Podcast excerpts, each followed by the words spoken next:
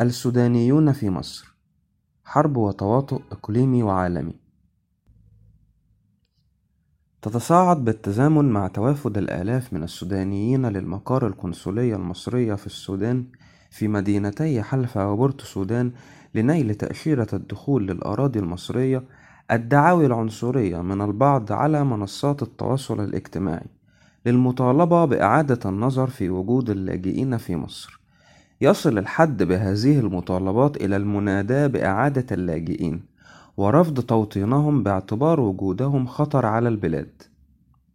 يأتي ذلك بعد موافقة مجلس الوزراء المصري على مشروع قانون يقضي بإصدار قانون لجوء الأجانب.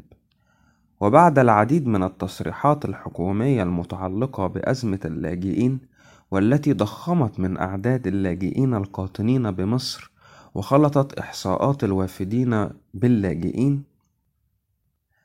تستمر الحكومة المصرية في اتخاذ تدابير قمعية طبقية تجاه المدنيين السودانيين الفارين من الحرب وذلك في خرق للإطار القانوني للاتفاقية الموقعة بين الحكومتين المصرية والسودانية في العام 2004 اتفاقية الحريات الأربع والتي تنص على إقرار حقوق التنقل والإقامة والعمل للمواطنين من البلدين. تدعم البرجوازية البيروقراطية المصرية ممثلة في الجيش المصري الجيش السوداني في حرب السودان بين الجيش النظامي وقوات الدعم السريع. فالجيش السوداني يشاركها بالفعل صراعها مع أثيوبيا. هذا بينما تدعم الإمارات بالدرجة الأولى وإسرائيل الميليشيا. وهي التي قام الجيش السوداني نفسه بتسليمها بعض المناطق بدون إطلاق رصاصة واحدة.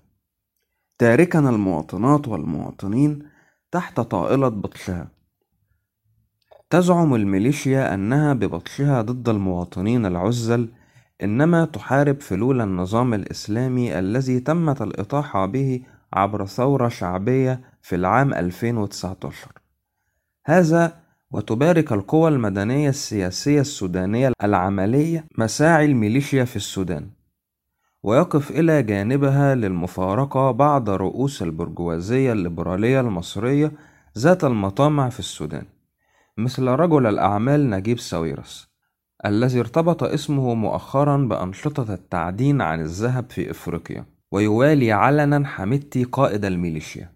تعاملت الحكومة المصرية مع موجة اللجوء الأولى من حرب السودان أواخر إبريل من العام الماضي في نسق مشابه لما حدث في الاستقبال والتوطين للاجئين الفارين من النزاع المسلح في سوريا. حيث ظلت أبواب المعابر البرية المصرية مواربة في الأسابيع الأولى من الحرب لاستقبال الشرائح العليا والوسطى من السودانيين المقتدرين على تحمل تكلفة الفرار من السودان حينها. سمح بدخول الرجال السودانيين ذوي الأعمار من 16 ل 49 والذي تشترط السلطات المصرية من قبل حرب السودان نيلهم للتأشيرة لدخول الأراضي المصرية. كما سمح بمرور حملة الإقامات في دول الخليج العربي من الرجال القادمين عبر حافلات وصلت كلفة إيجارها لمليارات الجنيهات السودانية. عدة آلاف الدولارات.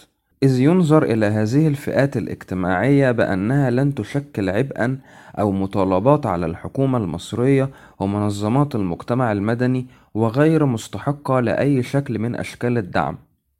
شرعت الحكومة المصرية في مايو من نفس العام وبعد أقل من شهر على اندلاع الحرب بالسودان في تجديد الشروط وتضييقها حيث لم تعد تقبل جوازات السفر الممددة أو وثائق السفر المؤقتة لطلبات التأشيرة وتوقفت الحكومة المصرية عن الاعتراف بالأطفال المدرجين على جوازات سفر الوالدين.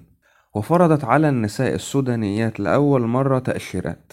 ولم تبذل أي محاولة واضحة لزيادة القدرة على تسريع الاستجابة للعدد الكبير من السودانيين المتقدمين لنيل تأشيرة الدخول. الأمر الذي أسفر عن فصل الكثيرين عن أفراد أسرهم الذين تمكنوا من العبور إلى مصر. يتواجد اليوم في الأراضي المصرية ما يزيد عن أربع ملايين سودانية وسوداني وصل أكثر من 400 ألف منهم للأراضي المصرية عقب اندلاع الحرب. يعمل 37% منهم فقط في وظائف ثابتة حسب منظمة الهجرة الدولية. ويرغب عدد أكبر من السودانيين في النجاة من جحيم الحرب والاستقرار والبحث عن فرص العمل والتعليم والعيش الكريم في مصر. هذا وقد توقفت مصر الرسمية كلية عن استقبال اللاجئين السودانيين إلا في حال إبراز هوية طبقية تثبت عدم احتكاكهم المطالبي لاحقا مع السلطات المصرية وربما ضخهم لعملات صعبة في النظام الاقتصادي المصري لتحقيق هذا الشرط فرضت الحكومة المصرية نيل موافقة أمنية لدخول البلاد تكلف في المتوسط من 2000 إلى 4000 دولار.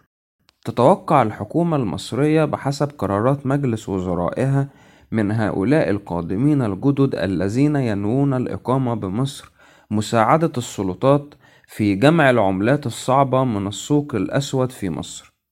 ولذلك فرضت دفع الرسوم الحكومية من رسوم الإصدار وحتى غرامات التأخير عن إصدار الإقامة بالدولار في البنوك المصرية. تلزم الحكومة المصرية الأجانب باستخدام قنواتها الرسمية لتبديل العملات الأجنبية في حين يتسع الفارق بين سعر الصرف الحكومي وسعر الصرف غير الرسمي حتى بلغ في العام الأخير مستويات قياسية 30 وتمانية من عشرة جنيه للدولار الأمريكي الواحد في البنك وواحد وخمسين جنيه خارجه. تستغرق إجراءات تقنين الأوضاع للسودانيين في مصر قسطا معتبرا من الوقت والجهد والكلفة المادية. على سبيل المثال يبدأ السودانيين بالاصطفاف في فرع الجوازات والهجرة بالعباسية من الثالثة فجر اليوم السابق لنيل فرصة لتعيين موعد لدخولهم للجوازات ومباشرة إجراءاتهم. يتم تعيين موعد في مدة تقارب الشهر ويتم تحصيل غرامة تأخير عن هذا الشهر كذلك فيما تفقد إيصالات الغرامة الدولارية قيمتها بعد أسبوعين من إصدارها. يتداول السودانيين قصصا عن التعسف وسوء المعاملة فيما يخص إجراءات إصدارات الإقامة في موقع آخر تطول صفوف مفوضية شؤون اللاجئين في القاهرة الكبرى والجيزة والإسكندرية أكثر بكثير بالمقارنة مع صفوف الإقامات السياحية والدراسية والعقارية. تمنح المفوضية مواعيد للمقابلات في فترات تصل لتسع أشهر. تقدم المفوضية دعما ماديا شهريا للأفراد تحت رعايتها بقيمة 400 جنيه مصري للفرد لكن لا يتم صرفها دوريا. أو مباشرة وإنما عبر منظمات إنسانية وسيطة تمنح المفوضية بطاقات اللاجئين والتي تمنع السلطات من الترحيل القسري للأفراد المسجلين في المفوضية إلى بلدانهم. لا يعتقد كاتب هذا المقال باقتصار الإدانة على السلطات المصرية في منع السودانيين من نيل الحماية الدولية بل يدعو لمساءلة فاعل ووسيط في تدابير القمع المعادية للاجئين والتي يتنصل عبرها الاتحاد الأوروبي وغيره من المنظمات الدولية من دورهم في تخفيف حدة آثار نزاعات هم بالفعل جزء من نشأتها. مول الاتحاد الأوروبي على سبيل المثال منذ العام 2018 قوات حرس الحدود وقوات الدعم السريع الفاعل الأبرز في قتل ونهب واغتصاب المدنيين في حرب السودان. بمبلغ أربعة وخمسة من عشرة مليار يورو للتدريب والتسليح وإنشاء مركز استخباراتي في العاصمة الخرطوم للسيطرة والرصد فيما يتعلق بالهجرة غير الشرعية.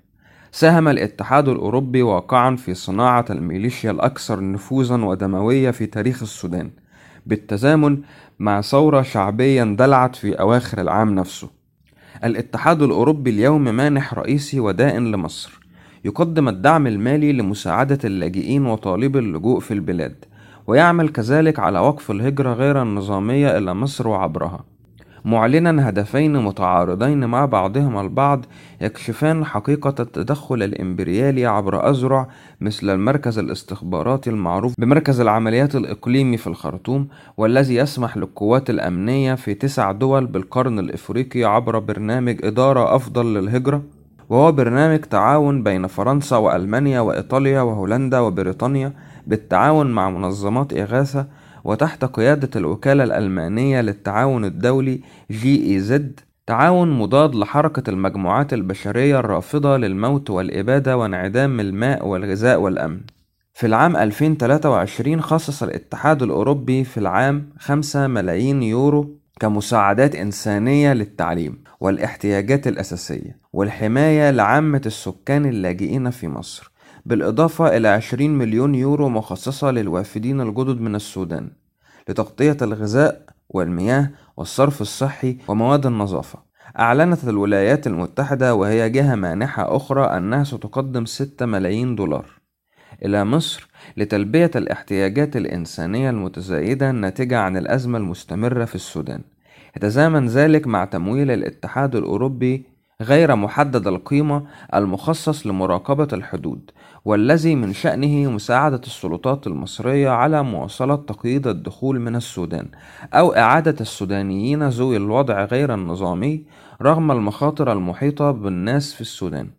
يتم الفتك بحق السودانيين في الحياة وطلبها في تواطؤ وتنسيق إقليميات ويتم توزيع القدر المحدود من الموارد المخصصة للحد من آثار حرب السودان بصورة هي الأخرى غير عادلة. لا تمثل الأطر السياسية أو القانونية العالمية أو الإقليمية اليوم. فأي مستقبل للنجاة الإنسانية للسودانيين المتأثرين من حرب السودان واللاجئين السودانيين حول العالم؟ الضرورة الآن لتنظيمات شعبية قاعدية تباشر التضامن الملموس في الوقت الذي اصطفت فيه الحكومات إلى جانب جنرالات السودان المتحاربين فوق رؤوس المدنيين. أميز في نهاية الحديث بين مصر الرسمية ومصر الشعبية التي استقبلت الآلاف من السودانيين الفارين من جحيم الحرب. بين شعبي مصر والسودان مسألة مشتركة تدوم مجرى النيل أصلها الجغرافي ولا يمكن للعسكرة مهما بلغت قوتها إعادة تركيب الجغرافيا.